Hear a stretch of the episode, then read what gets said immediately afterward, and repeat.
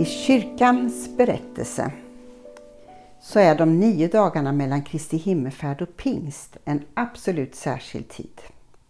För vid Kristi himmelsfärd, ja då lämnar Jesus lärjungarna med ett löfte om hjälparen den heliga anden. Men det kommer att dröja nio dagar tills det händer.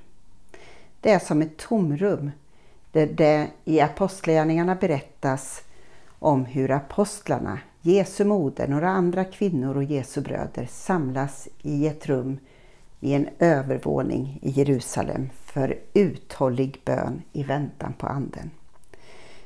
För då, när anden kommer, hade Jesus lovat, då ska ni få kraft att vittna till jordens yttersta gräns. Så i detta tomrum mellan Jesu himmelsfärd och tills anden kommer, hjälparen kommer, möts de och i gemenskapen så ber de intensivt om andens ankomst. Den tidiga kristna kyrkan på 300-talet började att göra som lärjungarna och Jesu mor. Be särskilt om helig ande från Kristi himmelfärds dag till och med pingstdagen. Det vill säga under nio dagar. En så kallad novena. Den här traditionen har sedan dess hållits levande på en del håll och i en del kyrkor och på andra håll fallit i glömska.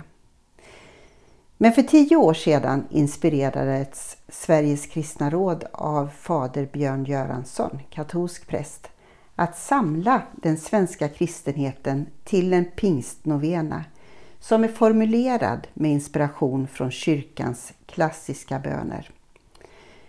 Bönen har sedan spridits ekumeniskt över Sverige och bes inför pingsthelgen av kristna från olika samfund.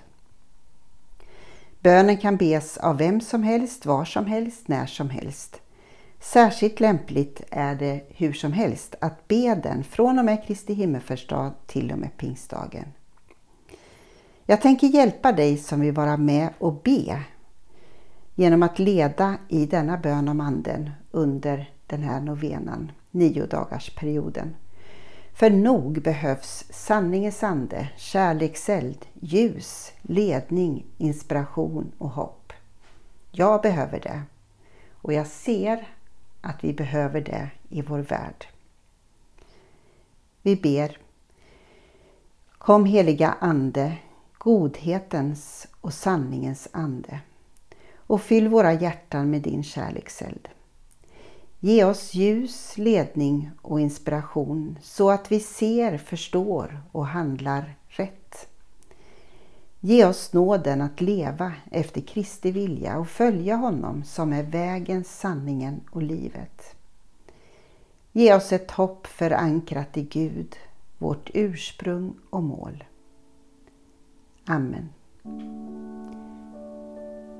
Gud välsignar dig och din dag.